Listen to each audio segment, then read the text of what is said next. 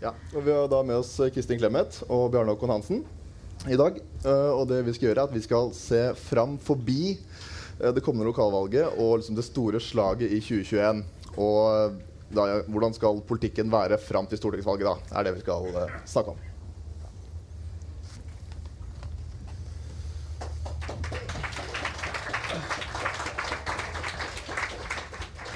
Uh, men, Ja, det går bra. Uh, men først må vi bare gjøre oss ferdig med, med året som har gått. Uh, og hva er det viktigste som har skjedd i politikken eh, siden i fjor høst? Eh, ja, jeg vil jo si at det mest spektakulære er eh, veivalgprosessen i KrF. Eh, for det første så var jo det ganske spektakulært å følge med på, og interessant. Men det var jo også politisk spennende, fordi det er klart at KrF har jo til nå historisk alltid falt ned på borgerlig side. Eh, selv om de har sagt at de kan være på begge sider.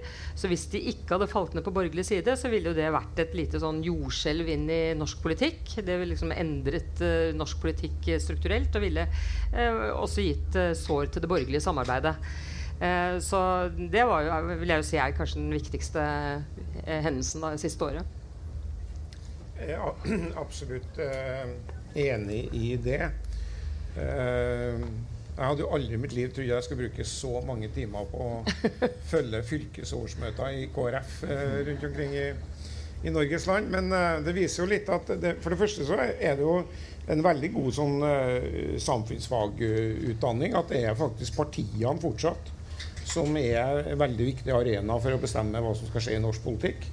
Og da satt vi også og telte stemmer i, i Hedmark KrF og rundt omkring i, i, i Norges land. Eh, så det, det er helt enig med Kristin i at det var eh, et utrolig spennende avgjørende valg. da. Eh, og Det gjør jo at vi nå har den regjeringa vi har. Og hvis eh, de tre-fire stemmene har gått annerledes, så, så ville Jonas Gahr Støre vært statsminister i dag. Sannsynligvis. Og det ville jo vært en sånn hendelse som hadde minnet da om altså Jeg satt jo i Syse-regjeringen. Det er jo så lenge at mange her kanskje ikke var født engang, men altså 89-90. Og, og den gikk jo altså den gikk jo i oppløsning pga. EU-saken. ikke sant? Og Senterpartiet begynte da å bevege seg over på den rød-grønne siden. Eh, og, det, og det hadde jo enormt stor betydning for det borgerlige samarbeidet den gangen. Og noe lignende ville vi nå kunnet se nå eh, dersom Kristelig Folkeparti hadde gått den andre veien og fortsatt holdt seg over sperregrensen. da. Så, men, men jeg var med i går på mm, eh, Vi er veldig flinke til å gjennomføre valgforskning i Norge. Og i går ble den store valgforskningsrapporten som lages av Institutt for statsvitenskap ved Universitetet i Oslo og Institutt for samfunnsforskning, ble lagt frem her i Arendal, eh, som gjelder 2017-valget. Og der var det et par interessante ting når det gjaldt KrF, syns jeg. Fordi det ble jo sagt under den prosessen at grasrota i KrF og KrFs velgere de var mest borgerlige og mest blå. Og at det var liksom mer tillitsmannssjiktet som var delt. Men eh, disse forskerne de mener at når de ser på KrF-velgerne, deres politiske profil, at de var mer delt når det gjaldt blå og, blått og rødt. Eh, men det andre som den valgundersøkelsen viser, det er at eh, når KrF-velgere skal eh, peke på hvilke partier de syns skal sitte i regjering, så peker de i mye større grad på blå partier da, enn på rød. Og faktisk så pekte de i like høy grad på Fremskrittspartiet og Arbeiderpartiet. Det var litt overraskende.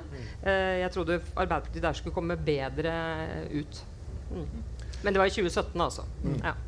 Eh, vi ser jo på målingene nå eh, før lokalvalget at for, spesielt for de store partiene, og da særlig Ap og Frp, så går det veldig dårlig. Det er nesten som om eh, de bare skulle ønske at de får det overstått.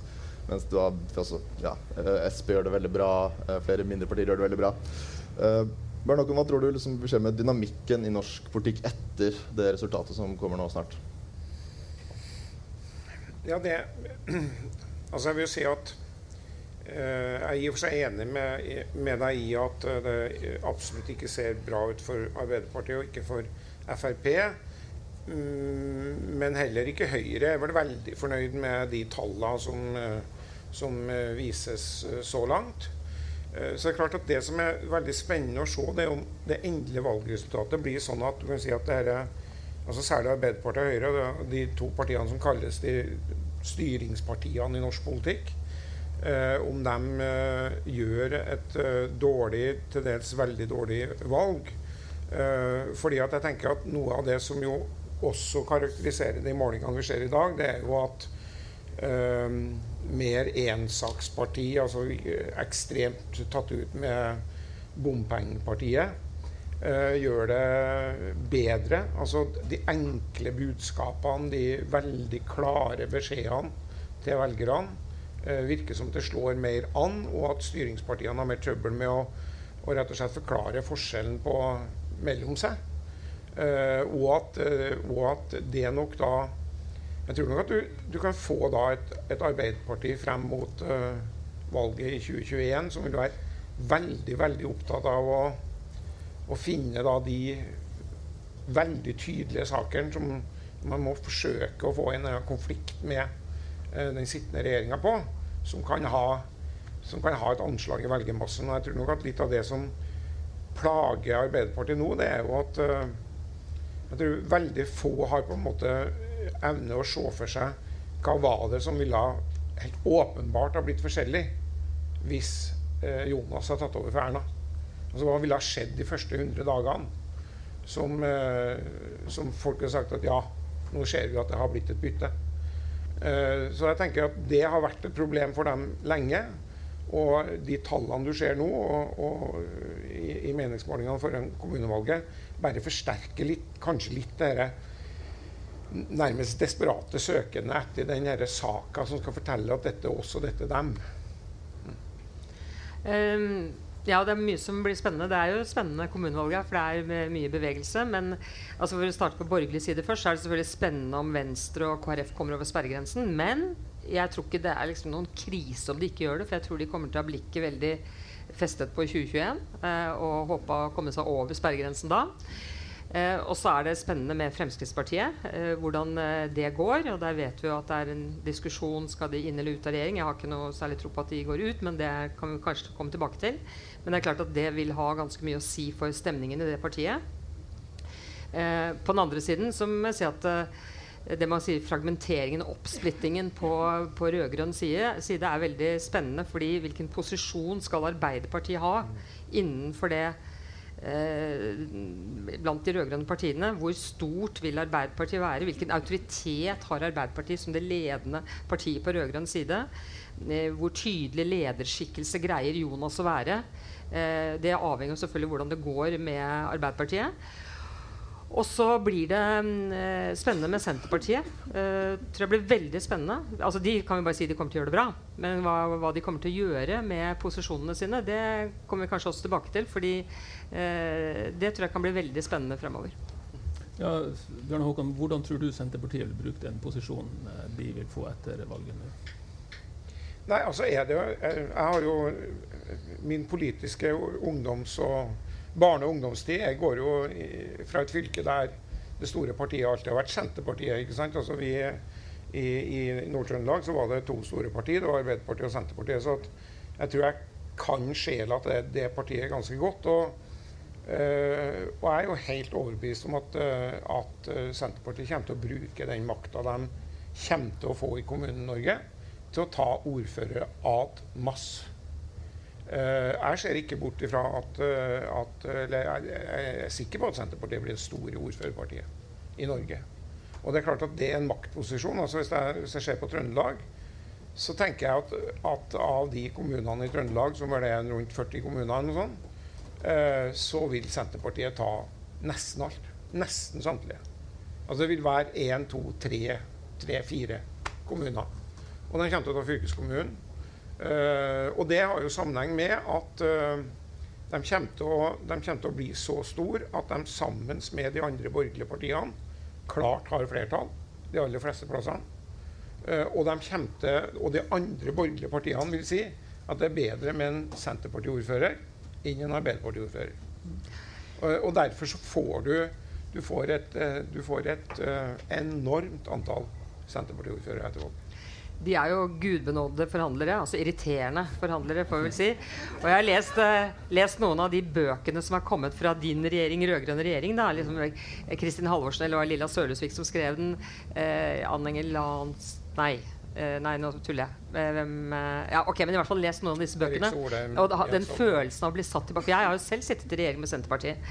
Og den følelsen av å bli satt tilbake til de Eh, de forhandlingssituasjonene med Senterpartiet det var veldig sterke. For dette her er jo et parti som ikke gir seg. Eh, her er ikke forhandlingene slutt noen gang. Eh, det er bare å begynne på nytt hvis man føler for det. så de, og det er et veldig maktorientert parti. Så jeg er helt enig med Bjarne Håkon. Og, og vi ser jo nå at det er ikke mulig å avkreve dem løfter om at ikke de skal samarbeide med borgerlige sider f.eks. Og rundt om i landet så fremstår de jo også så mye mer borgerlige enn vi kanskje får inntrykk av på nasjonalt nivå. Så noe som jeg tror blir veldig spennende, det er når vi kommer til landsmøtene i 2021. Mm. Da pleier jo partiene eh, å fatte vedtak om hva slags regjering de går til valg på. Det var det KrF også i og for seg gjorde men ikke så stort heller. Men, eh, men, eh, og da lurer jeg på hvis maktforholdene på rød-grønn side da er slik at man kan se for seg at SV, for ikke å snakke om Rødt eller MDG, får veldig stor makt på rød-grønn side, så lurer jeg på hvordan det vedtaket i Senterpartiet kommer til å se ut. Blir det helt klart at de skal forbli på rød-grønn side, eller kommer det til å være en liten åpning for at de kan stikke et annet sted dersom forholdene på rød-grønn side blir eh, sånn at de blir avhengig av Rødt eller MDG? For det tror jeg ikke de er så veldig interessert i. Nå kommer jo Ola Borten Moe hit i morgen eh, klokka seks. Vi skal spørre ham om det. Men mm. hva tror du? Bernå? Jeg er helt enig med Kristin. Altså, eh, altså, Senterpartiet er et parti som eh, til de grader søker makt. ikke sant? Og det at de nå har sittet så lenge utenfor eh, regjeringskontorene, det er uutholdelig for dem. Og, og, derfor så er jeg helt sikker på at Senterpartiet i 2021 på sitt landsmøte, hvis de mener at det er helt avgjørende for å komme i regjeringsposisjon og skifte side, eller ha en åpning for å kunne skifte side, så kommer de til å gjøre det.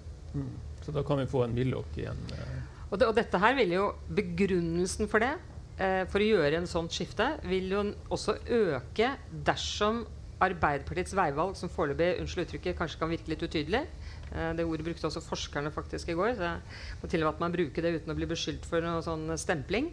Eh, eh, hvis det veivalget får karakter av å være å, å, bevege seg mot venstre, så vil rommet på la oss kalle det høyresiden da, bli større. Eh, på den måten at det da også kan være mer bekvemt for Senterpartiet å, å, å, være der igjen en eller annen gang i fremtiden. Men hvis de bryter, da, vil, da er det en villok variant med Senterpartiet, KrF og Høyre? Eh, Erna vil vel ha alle sammen på samtidig, tenker jeg. Så da vil hun vel ha en fempartiregjering, da kanskje. Nei da. Jeg vet ikke, men, men, men Ja, altså, det, er langt, det, er langt, frem. Men om det der kommer til å skje, det vet jeg ikke. Men jeg, jeg, tror ikke man kan utelukke at Senterpartiet igjen ses på borgerlig side om noen år. Du nevnte Frp i stad, Kristin. og Det første er selvfølgelig bompengesaken. og Her venter man jo på en måte på en, en, løsning. og Da er det jo budsjettkonferansen i slutten av august hvor man på en måte må, hvis man skal finne noe, uh, så er det jo der. Uh, tror du det, man vil finne noe som, holder, som gjør grasrota fornøyd at Frp blir, eller tror du de går ut på bompengesaken? Eh, her er det jo bare tro og synsing, men jeg tror mest på at de blir i regjering. Og grunnen til det er for det første at jeg, tror, jeg mener at Siv Jensen er veldig flink til å samle det partiet. Altså, jeg tror vi veldig sjelden tenker over eh, hvilken koalisjon av ideologiske retninger Fremskrittspartiet egentlig er. Det, det, det, er eh, klassiske liberale, sånn som Ove Vanebo. Eh, det er Eh, nasjonalkonservative, som Christian Tybring-Gjedde omtaler seg som. Det er det vi vil kalle høyrepopulister. Det er kristenkonservative. Så det er en veldig bred koalisjon. I mange land vil dette være flere partier. Og at hun har greid å holde det samlet, er egentlig en, en bragd, men det er hun veldig flink til. Eh, og jeg tror hun står veldig sterkt i det partiet. Og det som jeg tror blir eh, ofte undervurdert i debatten om de skal gå ut eller ikke, det er kostnadene ved å gå ut. De er ganske høye. Eh, fordi de kommer til å svekke sin troverdighet som regjeringsparti. De greide det ikke likevel, liksom, å, å ta ansvar. Eh, og det kan være for lang tid eh, fremover. Eh, husk på De brukte 40 år på å bli anerkjent som regjeringsparti. Og noe annet som jeg tror spøker i bakgrunnen for mange i det partiet, det er jo det at de vet jo at en vakker dag så skal jo Siv Jensen gå av. Og når jeg da har sagt at det er en koalisjon av ulike retninger, så kan man jo liksom tenke hvilken retning skal lede det partiet i fremtiden. Og det er det nok en del meninger om. Og, og den dagen kan kanskje komme før eh, hvis man går ut. Og jeg vil også legge til en ting til, at Det er ikke sånn opplagt at et såkalt høyrepopulistisk parti gjør det bra bare de er i opposisjon. Det gikk til dundas med Dansk Folkeparti i det siste danske valget nå. Og de har jo stått utenfor og hatt det som en sånn suksessformel at de ikke skulle være i regjering. Og det gikk ikke bra nå. Som det har gått bra lenge. En annen ting er at De gjør det jo veldig dårlig på målingene. Vi så en ny en i går hvor de var helt nede på 6 uh, og hvis de, la oss si de gjør det så dårlig, da, Bjørn tror du da at de forblir i regjering fram til stortingsvalget hvis de fortsetter å liksom, se så lave målinger? Ja, altså, jeg, jeg tror faktisk det. Uh, at de kommer til å gjøre det. Uh, altså, Jeg tror nok at du får en løsning på denne bompengesaken i, i august. Altså, jeg synes at hvis vi, vi skal ikke snakke om den debatten som var i går, men, men det var jo sagt såpass mye der at jeg mener at uh, de, de, de, jobber med en skisse som de nå kommer til å lykkes med. Uh, uh, og dermed så har jo i utgangspunktet ikke Frp noen, noen sak heller å, å, skulle gå på. Uh, jeg er veldig i tvil om den løsninga kommer til å gjøre at, at de får et godt valgresultat. Uh, fordi at til det er det for mange kompromisser som skal inngås i den regjeringa. Men, men, de kommer til å prøve å selge det som det, og, og kanskje berge dem noe på det. Men Frp kommer til å gjøre et dårlig valg, det, det er jeg ganske trygg på. Uh, men jeg tror ikke at det fører til at uh, de går ut av regjering.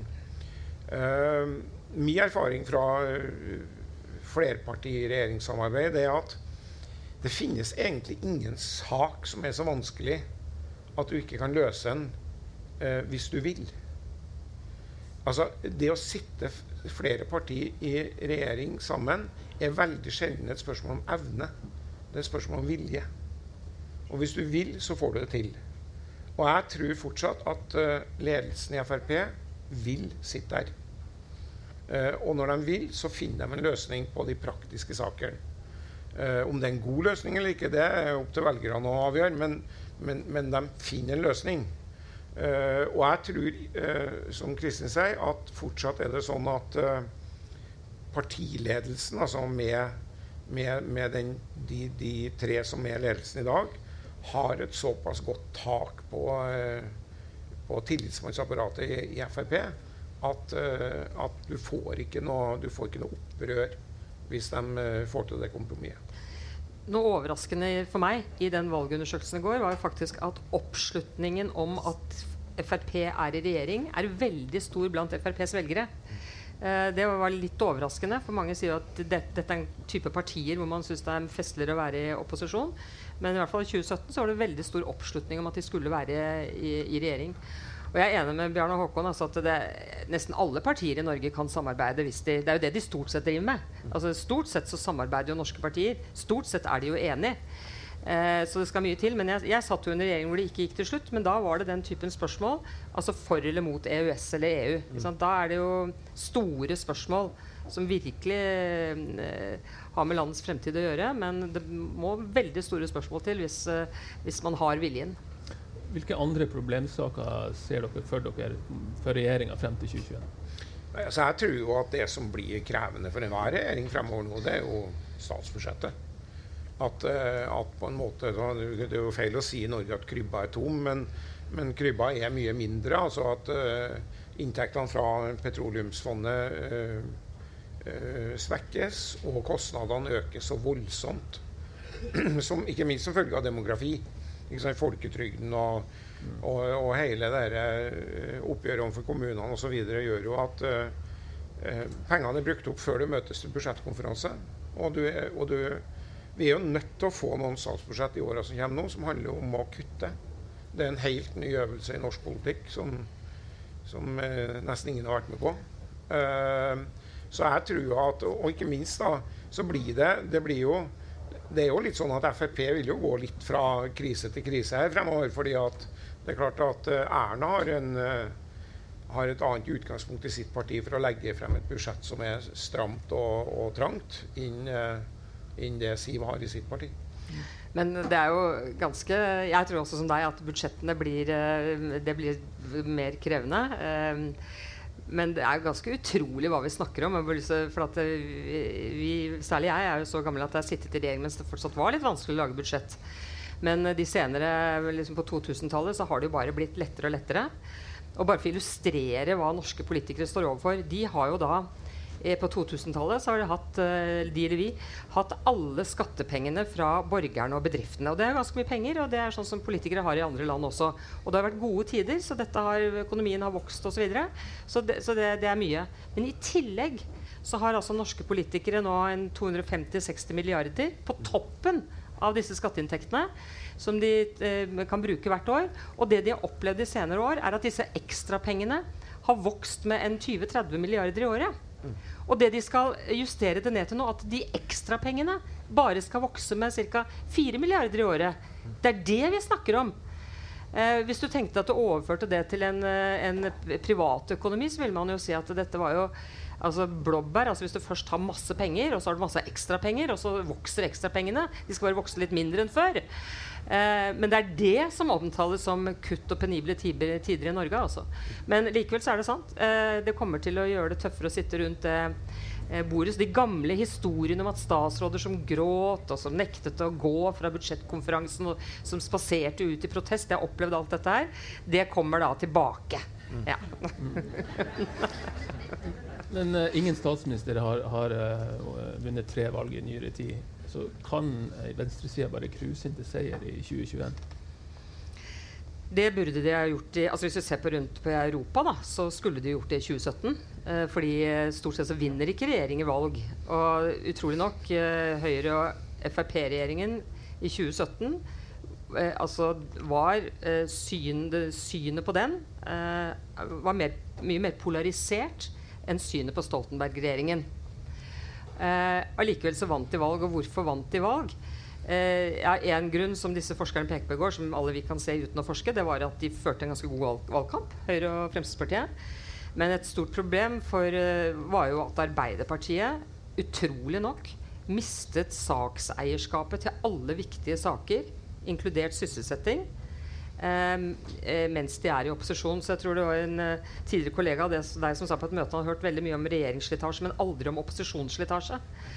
Og, og uh, mens Høyre og Frp i 2017 rett og slett hadde sakseierskapet til alle, viktige, alle saker som var viktige for velgerne. Ehm, så det var jo grunnen da. Men, men, når så oppsiktsvekkende ting kan skje, da, så kan det jo skje nye oppsiktsvekkende ting. Men normalt taper man jo valg, da. Eller regjeringer taper jo normalt valg. Nei, altså det er jo absolutt ikke sånn at det er mulig å cruise inn. ikke sant? Det, eh, og det er klart at eh, du, Hvis du tenker tilbake på valgkamper der de rød-grønne har gjort det eh, bra altså eh, Hvis du tenker særlig på 2009-valgkampen, så, eh, så var jo den styrken til den rød-grønne regjeringa at det, det er finanskrise, krevende tider, det er borgerlig kaos og se på oss, ikke sant? Uh, som nå har styrt, og vi har kontroll på finanskrisa. Jens Stoltenberg sto frem som en veldig stødig skipper på, på skuta. Utmerket helseminister som jobba veldig bra, osv. Uh, uh, nå sporer jeg av. Uh, mens, mens, nå vil jo de, alle de kortene være snudd på hodet. Nå er det jo borgerlig samling og rød-grønn kaos. Sånn at, eh, og, og, og, og, et Arbeiderparti som åpenbart er svekka i forhold til 2009-valget, i hvert fall også 2013-valget. Eh, sånn at eh, jeg tror at det, det er helt feil å liksom spå en garantert sikker rød-grønn valgseier i 2021. Og kaos har jo de borgerlige alltid tatt på. Det er jo en morsom historie fra 2009-valget. Eh, så, altså, hvis man husker tilbake i 2005, da var det Bondevik II-regjeringen. Og det, de som gikk til valg da på borgerlig side, det var jo da Høyre, eh, Kristelig Folkeparti og Venstre. Det var liksom regjeringsalternativet. Eh, men de hadde jo regnet med Fremskrittspartiets stemmer. De ville bare ikke samarbeide med Fremskrittspartiet. Og det gikk jo til dundas. Eh, Høyre gjorde et elendig valg. Fremskrittspartiet gjorde et veldig bra valg. Så kom vi til 2009, og da var det fortsatt borgerlig kaos. De kunne ikke samarbeide. Og da er det et bilde som er ganske berømt, som, eh, som, eh, hvor VG hadde avtalt med Erna og eh, var det Dag, hvem var det som Dagfinn var Dagfinn og Lars Ja. Sponheim Og ta et bilde av regjeringsalternativet. Og av grunner jeg ikke vet, så skulle Erna da stå oppå et bord, og så skulle de stå og beundre henne liksom sånn. Men idet dette bildet skal tas, så kommer Carl I. Hagen forbi. Og da sier han jeg, er det, Oi, er dette den nye regjeringen? Skal jeg legge meg ned som en skjødehund foran dere? Ja da, sa han. Og det bildet ble tatt. Og det ryktet jeg har hørt, da satt uh, Jens uh, Stoltenberg og uh, Jan Erik Larsen, hans rådgiver, de satt i bilen og visste at de hadde kanskje en sjanse til å vinne valget igjen, for de hadde hatt en bra håndtering av finanskrisen. Men da de så det bildet, så skjønte de vi kan vinne valget igjen. Eh, dette er borgerlig kaos. og det gjorde de jo. Ja. Eh, Jonas Gahr Støre han mislyktes jo i 2017. eh, og det ser dårlig ut nå også. Uh, Bjørn Håkon, tror du kommer han til å være partileder i 2021? Ja, jeg tror det. Fordi Jeg opplever i hvert fall at det ikke er noe Det er ikke noe det er ikke noen gruppering eller kampanje eller noen som seriøst jobber med eh, en alternativ plan for det i, i Arbeiderpartiet. Eh, sånn, at, sånn at jeg tror nok at jeg, jeg, tror, jeg opplever det sånn at stemninga fortsatt er i partiet at man gjerne vil eh, at Jonas skal lykkes, og at sjansen er er stor for at han kan, kan komme ut av 2021 som statsminister. ikke sant? Hvis du, sjansen for det er jo absolutt til stede, uh, selv om vi sier at det ikke er noe selvfølge. Eh, sånn at jeg opplever nok at, at eh, det, det, det, det er helt sikkert diskusjoner i, i, i blant partimedlemmer om det her, men, men det er i hvert fall ingen, er, ingen signaler jeg har greid å fange opp som sier at nå jobber vi seriøst med at det skal fremmes en, en alternativ kandidat. Vi har en kandidat klar, uh, gitt at uh, valgresultatet i, i høst blir dårlig. Sånn at, uh, sånn at det, det, det er mange som er fortvilt og, og ønsker at partiet skal kunne gjøre det bedre. Men det er ikke det, det kommer ikke til uttrykk gjennom en sånn peke på Jonas og si at det er hans skyld. Hva er det han, hva det han gjør galt, da? Kristin, har du noe Nei, altså jeg, jeg var jo litt inne på det i stad. At jeg tenker at det som er det som er Arbeiderpartiets dilemma akkurat nå, det er jo at når du har den regjeringa du har, og det er jo ikke en tvil om at de to forhandlingsrundene du har hatt både med Venstre og KrF, har jo ført regjeringa inn mot sentrum i norsk politikk. Eh, det er jo ikke, altså Hvis du tenker tilbake til valgkampen i 2005, så var jo linjene veldig mye renere mellom skattelette, fellesskap, mellom liberalisering av arbeidsmiljøloven, ikke liberalisering, slå tilbake liberalisering av arbeidsmiljøloven. Det var veldig mange flere sånne åpenbare konfliktsaker. I dag sliter jo Arbeiderpartiet med å beskrive hva det er de skal gjøre, som er veldig forskjellig fra det dagens regjering gjør. Uh, og det er veldig trangt i sentrum der. Og Arbeiderpartiet sliter da med å finne et eller annet rom der. Uh, eller om man på en måte skal se til venstre for seg og si at OK, vi må bli så radikale at vi fanger opp uh, igjen SV, Rødt, MDG-velgere uh, for å styrke Arbeiderpartiet. Og Det tror jeg er liksom den, det dilemmaet de står i. Om de skal prøve å, å liksom albue seg plass i sentrum, eller om de skal på en måte være like radikale som de andre på venstresida, som gjør at du kan like godt stemme Arbeiderpartiet som du som er SV. Det er jo mange sosialdemokratiske partier som har trøbbel. Også mange styringspartier som vi kaller det på høyresiden, altså kristeligdemokratiske partier eller konservative og liberale partier. Men hvis vi ser på sosialdemokratene, da, så er jo på en måte den hovedforklaringen eh, internasjonalt er jo at eh, disse partiene under Tony Blair og Gerhard Schrøder og kanskje Gro og Jens, vet ikke hva altså, Partier som eh, på en måte gikk til høyre i den økonomiske politikken og velferdspolitikken. Uh, altså vi jo, fikk jo på mange måter et nytt økonomisk system på 80- og 90-tallet, uh, som Arbeiderpartiet har vært forvalter av, i likhet med Høyre. Uh, og at de gikk sa, jeg til Høyre, ja. og så gikk de til venstre i det danskene kaller verdipolitikken, hvor de opptatt innvandringspolitikken. ikke sant? blitt mer liberale, da, for å bruke et sånt uttrykk. Og så er jo da teorien at dermed forlot de sine egne velgere. Eh, og eh, og så de, de, må de prøve å komme seg ut av dette problemet. Og da er det ganske interessant å se på det som har skjedd i Danmark nylig. Fordi Mette Fredriksen hun har jo nå overtatt som statsminister. Og det hun gjorde med det danske sosialdemokratiske partiet, var det motsatte. Hun orienterte partiet gradvis over eh, altså i retning venstre i den økonomiske politikken og, og, velferdspolitikken. Dette er ikke veldig voldsomme skritt, altså, men det er ganske klare beskjed. Og i retning høyre da, i innvandringspolitikken er, og verdipolitikken, som er ganske viktig i Danmark. Og hva ble effekten av det? Jo, sosialdemokratiet gjorde ikke et spesielt bra valg, men de tiltrakk seg velgere over midten. Altså De fikk borgerlige velgere, de fikk velgere fra Dansk Folkeparti osv. Og, så og så avga de velgere eh, lenger ut til venstre, til enhetslisten og til SF. Og samlet sett så ble den røde siden større, sånn at de overtar regjeringsmakten. Eh, og det har vært veldig interessant å følge den prosessen, for det har vært helt utrolig grundig. Veldig tydelig. Hvis du spør hvilken som helst danske om hvor Mette Fredriksen står når det gjelder innvandringspolitikken eller velferdspolitikken. Alle vil kunne svare. Men jeg er redd hvis du går ut på gaten i Norge og spør nøyaktig hvor står Jonas Gahr Støre i innvandringspolitikken, så tror jeg ikke det er like tydelig. Eh, sånn at hun har drevet dette frem fra toppen. Hun sier selv også at hun, har, hun har, altså at hun selv har endret mening. De har selvfølgelig også brukt fokusgrupper og meningsmålinger. Tror jeg ikke er noen tvil om. Men, eh, men eh, det har vært ganske, et, et utrolig sterkt ledet prosjekt. Veldig tydelig. Og jeg tror hun er helt bevisst på at jeg kommer til å miste velgere på dette her, men jeg får velgere over midten, og det er sånn du får skiftet regjering. Men er det ikke sånn at Jonas Gahr Støre er tvunget til å sette nærmest uansett hvor dårlig han gjør det, fordi at det ikke finnes åpenbare arvtakere?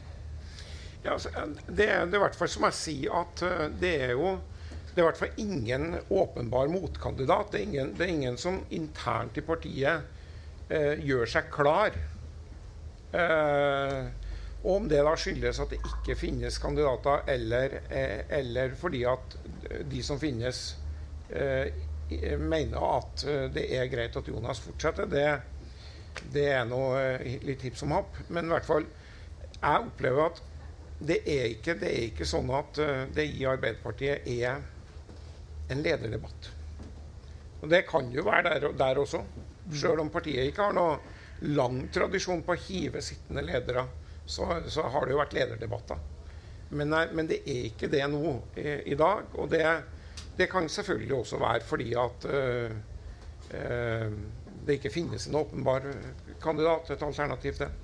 Vil nestleder Hadia Tajik kunne bli leder? Ja, jeg tror at Hadia vil kunne bli leder, øh, men vi er ikke der i dag. Det, jeg tror ikke Arbeiderpartifolk flest nå ser for seg at vi er, vi er klar for det. Men, eh, men, jeg vil ikke utelukke at Hadia en dag er, er, blir leder. Og jeg tror også at det er sånn at, eh, at hvis noe skulle ha skjedd med Jonas da, eh, altså at det, det er andre ting som kan ramme en, et menneske inn i et dårlig valgresultat, så ville det blitt Hadia. Mm. I dag ville det blitt det. Men Hva er årsaken til at Arbeiderpartiet har så få toppkandidater å velge mellom, i motsetning til Høyre? Nei, altså Det har jeg diskutert med mange, jeg også. Og jeg tror at jeg tror at det, det, er rett og slett sånn at det er ført en for dårlig personalpolitikk da, i Arbeiderpartiet i mange år. Uh, og det er selvfølgelig ikke Jonas som skal ha noe hovedansvar for, men det skal jeg, jeg har et ansvar oppi, Jens har et ansvar oppi. altså det, det er i for lang tid eh, via for lite oppmerksomhet hvordan man skal eh, hjelpe nye talenter frem. Eh, Uh, og det, det, Arbeiderpartiet har jo hatt en uh, tradisjon på å være flink på det, men, men har mista grepet på det de siste, siste ti åra, for å si det. Uh, men jeg tror nok at jeg opplever det sånn at man er mer bevisst på det i dag. Og, og, og hvis man kanskje ser da over en generasjon og ser ned i AUF i dag, så, så er det mange talenter igjen. da, altså, Ina Libak tror jeg er en politiker som, som vi kan se har en, et format over seg. Eh, men det er jo noen år frem. Hvordan ser du det fra utsida? altså, jeg eh, er eh, hvis jeg kan tillate meg å så er jeg enig i den analysen der. Eh, og det, man må være klar over at det tar liksom veldig lang tid å dyrke frem talenter. da, mm. Og gi dem sjanser. Og jeg la merke til én ting som jeg var veldig forbauset over hvordan det endte. fordi da Jonas ble leder, så uh, lagde han noen sånne utvalg som skulle tenke ny politikk. Hvor uh, Jette Christiansen og eller Christensen, Christiansen, uh, Marianne Martinsen, uh, Torgeir Micaelsen, tror jeg. Altså, uh, satt på unge mennesker som skulle lede disse arbeidene. Og det så jeg på som uh, at Jonas tok litt tak i dette problemet. Uh, men det liksom rant ut i sanden. Uh, Torgeir Micaelsen har jo sluttet. Marianne Martinsen, jeg vet ikke hvor motivert hun er lenger. Det, det, skjedde jo litt rundt henne og Trond, Trond Giske. Uh, så det er akkurat som det, det rant litt ut i sanden. Det, for det, dette er ikke noe du kan stunte, tror jeg. Um, uh, sånn at uh, det at er, det er klart flere sånne skikkelser, flere generasjoner i, i Høyre. og det er nok en satsing over lang tid. Og jeg synes det var ganske interessant det Erna gjorde da, da Torbjørn Røe Isaksen skulle ut i svangerskapspermisjon. At hun satte inn Henrik Asheim til å være statsråd i fem minutter. Uh, jeg hadde sansen for det. For Jeg liker nemlig ikke at sånne statsrådsstoler står tomme. Eh, det er mange andre grunner til. Så jeg syns det er mye bedre å utnevne da, en statsråd som har det heller ikke og, og, det tenker jeg på, det gir jo han en unik sånn trening. da, eh, Og innsikt i, i, deler av politikken. Eh, som sikkert kommer partiet til gode hvis han blir i politikken. Mm. Særlig med en, en trønder i panelet så kommer vi jo ikke utenom spørsmålet hvordan eh, preger Trond Giske situasjonen partiet? Ja, det er jo ikke noe tvil om det har vært en forferdelig sak for Arbeiderpartiet. Altså Av så mange grunner. Men ikke sant eh, eh, det, det har revet opp uh, mye vondt skapt mye vondt blod i, internt i partiet. altså Folk har skula på hverandre, og det har vært dårlig stemning. Men ikke minst fordi at hele politiske arbeidet ble jo litt sånn satt sjakkmatt. ikke sant? Det var det eneste partifolk snakka om, og det eneste pressen skrev om og i det hele tatt, var jo, var jo denne situasjonen rundt, uh, rundt Trond. Uh, I dag så opplever jeg vel at det har gått litt over, altså i den forstand at uh, jeg opplever at Trond, sånn som jeg greier å følge med han for tida, er, har liksom bestemt seg for at denne valgkampen skal han bruke intenst i Trøndelag. Jeg ser han er overalt i Trøndelag og støtter lokale ordførerkandidater. Eh, er, er, er, veldig fokusert på valgdistriktet sitt, eh, det lokale partiet sitt. Eh, og det er, jo, det er jo heller ikke sånn at altså Trond Giske har jo ikke, har jo ikke fronta en alternativ politisk strategi i, i Arbeiderpartiet. Han har ikke, ikke utforma en, en, politikk eller verken lokalt eller regionalt eller nasjonalt som, eh, som, er et angrep kan du si, på, på den politiske linja som eh, dagens politiske ledelse står for. Så jeg tror jo Trond nå er veldig veldig fokusert på å, å gjøre en jobb i Trøndelag, og er jo ønska og er velkommen eh, i Trøndelag. Lokale ordførerkandidater eh, står i kø for å få besøk av ham i valgkampen, og det tror jeg er rette plassen hans å være. Kristin, tror du vi får se han tilbake som toppolitiker? Eller enda høyere enn han er i dag? Jeg er ikke den eh, rette til å gjette på det, men uh, hvis jeg skal være litt uenig, da, så føler jeg vel at jeg hører fra Trond Giske, i hvert fall har en litt sånn annen tone enn det man hører fra Jonas. Litt mer Vedum-tone. Uh, og jeg tror han er, gjør seg ganske populær, ikke bare i Trøndelag, men jeg tror i andre deler av landet også. Så jeg, jeg føler ikke at det er bombesikkert at han ikke om noen år Eh, er tilbake. Eh, og eh, kanskje en fremtidig leder i Arbeiderpartiet, men det er mulig at det er helt far-fetched. men det ville jeg tenkt. Men kan jeg legge til noe om Høyre, så ikke bare sitter og snakker problem, problemer i, om Arbeiderpartiet. fordi eh, det var jo en sang en gang som het 'Problemer innad i Høyre'. Eh, men, eh, men, det tror jeg ikke det er. Men det som man skal litt, kikke litt på med Høyre, det er jo det at selv om det er mange potensielle lederkandidater etter Erna, så kan man jo spørre seg hva er Høyres prosjekt eh, etter at Erna er ferdig med å være stjerna. Eh, For det er klart at Høyre er et sånn, er veldig lojalt parti. Og hva har vært Høyres prosjekt? Det er på en måte å holde Erna i regjeringskontorene. Det er helheten, som man sier. Det er liksom å holde det borgerlige prosjektet samlet. Men det er klart at ethvert parti har behov for å tenke på sin egen ideologi, politikk og alt dette her. Og det syns jeg er litt, uh, kan være litt sånn uh, spennende å se. Hva er det som er der uh, når den Erna-perioden en gang er omme? For en vakker dag vil jo det skje, selvfølgelig. Mm. Jeg er sikker på at du vil prøve å påvirke hva som eh, skal fylles i Høyre. Etter, eh, det er til fri avbenyttelse av alt jeg gjør. Ja. Men, uh, det siste halvåret så har vi sett at både uh, klimakrisa har kommet mer uh, på dagsorden, og samtidig bompengedebatten. Hvordan vil klimapolitikken endre norsk politikk de neste par årene? Altså jeg syns det er veldig spennende, for jeg tror ikke det, det vet vi ikke. Eh, klimasaken har jo vært der veldig lenge. Den har aldri greid å komme helt øverst i velgernes bevissthet og prioriteringer, men det er kanskje i ferd med å skje nå. Eh, eh, for å vise til Danmark igjen, så da ble det viktigste sak i valgkampen. Eh, likevel, det grønne partiet gikk tilbake. Og mye av diskusjonen der har vært liksom at hvorfor hvorfor har det tatt så lang tid før det ble viktigste sak? Og hvorfor skjer dette? Og da har man snakket om at det for det første er, har vært en sak som det har vært vanskelig å politisere. Altså, og det har vært uklart hva konfliktene er. Altså hva er konflikttemaene?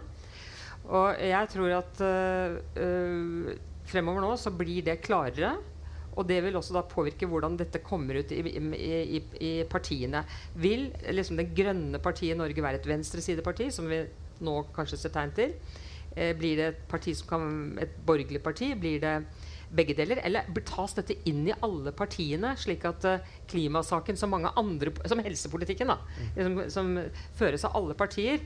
Uh, sånn at den på en måte nulles ut litt. Grann, uh, behovet for et eget grønt parti. Det blir ganske spennende å se. Hva tror du? Nei, altså jeg, er jo, jeg er veldig usikker på det spørsmålet, jeg også. Men jeg er helt sikker på at, og det viser vel også den valgundersøkelsen, at i 2017 så, så var faktisk klima og miljø ganske høyt opp på lista over de sakene som, som velgerne definerte som viktig. Altså Tidligere valgkamper og tidligere målinger har jo vist at det, det ble snakka en del om det, men det var ikke viktig for velgernes valg. Men i 2017 så var det det. Uh, eh, Sjøl om det ikke førte MDG over sperregrensa og en del sånne ting. Uh, og jeg tror at det er starten på en utvikling vi kommer til å se. Altså at det, at det er, kommer til å være en, helt, uh, en, en svært viktig sak for velgerne i kommende valg. Men jeg er like vis som Kristin på om det fører til at liksom MDG virkelig nå da tar av og blir 10% eller om det er et annet parti som greier å ta det, eller om det blir på en måte Alle må ha det i orden. Det blir fundamentet for å kunne stille til valg, nærmest. Eh, og Det blir noen av, noen av, de tingene som blir veldig veldig spennende å følge frem mot 2021. Og jeg tror at vi vet mye mer om det allerede da. Uh, jeg tror jeg vi tar siste spørsmål um, før vi avslutter. Uh, og det har skjedd mye i norsk politikk de siste årene. Uh, hvem er det som har imponert dere mest? vi kan starte med deg, Kristin. Altså, jeg er ganske imponert av det, Dette er jo helt håpløst svar, men altså av alle toppolitikerne våre. For jeg syns de er veldig mange flinke. Men siste året så må jeg si at jeg var ganske imponert av Kjell Ingolf Ropstad. Og grunnen til det er at det som skjedde i KrF, det kom veldig overraskende uh, på han. Og han fikk nesten mot sin vilje Jeg tror han kunne se for seg selv som en leder av KrF om noen år. Men han er fortsatt veldig ung og hadde ikke noen tanker om å bli det. Og ble på en måte tvunget inn i en slags lederrolle for, eh, for de blå. da og jeg syns han har uh, turnert uh, ja, veldig bra. Masse forhandlinger om budsjetter, om regjeringsplattform, om veivalgprosessen. Alt dette her på samme tid. Som jeg må si at han syns han turnerte på en veldig imponerende måte. Det er jo ganske kontrært, for du altså, mener Knut Arild Hareide er jo blitt en helgen omtrent på hele venstresida for en ja, KrF-leder. Jeg har skrevet en blogg om uh, hva jeg syns om den prosessen. Uh, og hvordan den, Dere kan jo lese den. Jeg kan si, bare si det kort at Knut Arild ble ikke så begeistret for den bloggen. det ble ikke. Men altså, jeg, jeg, tror bare jeg vil si det veldig kort. Du kan ikke snu et sånt skip på fem uker, eller hva det var. Jeg synes det er veldig, Hvis du ser på partier som har, som har flyttet kursen fordi de vil noe, så er det se, se Hvor mange år brukte Kristin Halvorsen for å få SV til et regjeringsparti? Altså, eh, liksom, å overtale det partiet til at vi skal bli et regjeringsparti. Hvor langt de brukte de Fremskrittspartiet for å se seg selv som et regjeringsparti? Eh, hvor langt de brukte Høyre, KrF og Venstre hver for seg på å akseptere Fremskrittspartiet som et parti de kunne samarbeide med? Eller Arbeiderpartiet, SV? Altså, jeg tror, eh, og Det er veldig veldig dristig å prøve å gjennomføre en sånn prosess på så kort tid. Selv om det var morsomt å følge med og, og lærerikt på en måte, så tror jeg det var en veldig risikabel prosess. Og det har ført til dype sår som det kommer til å ta lang tid før er leget. Bjørn Håkon? Det er helt sikkert uh, mye å si om den prosessen, men det er klart at uh, uh, når du svarer Ropstad, så kan jo jeg svare Hareide i den forstand at jeg, i den forstand at jeg, altså Du kan si det at jeg har jo i og for seg alltid hatt respekt for Knut Arild og, og tenkt at dette er en seriøs, ordentlig, skikkelig norsk politiker. Men jeg har på en måte nesten alltid tenkt at Men kan ikke du komme ut og fortelle hva du egentlig mener? Og det var noe veldig befriende med at han plutselig gikk fra å være veldig unnvikende nesten alle mulige spørsmål, til å være veldig, veldig tydelig. Og han turte i hvert fall å, å, å ta et veldig klart standpunkt og gå all in. Uh, og, og, han var jo to, var to stemmer, ikke det? To-tre stemmer unna å bli genierklært. Eh, men det er jo ingen sånne sølvmedaljer i politikken, så så da ble det Kjell Ingolf Ropstad som, som tok uh, gullmedaljen, og, og han uh, fikk ingenting. Men, uh, men jeg syns jo han var modig, direkte, tøff, tydelig, frittalende. så det imponerte meg. Tusen takk for at dere kom. Eh, I morgen så starter jeg med et nytt panel. Da kommer Ola Borten Moe og Erik Solheim klokka seks. Eh, det blir morsomt. Tusen takk for oss.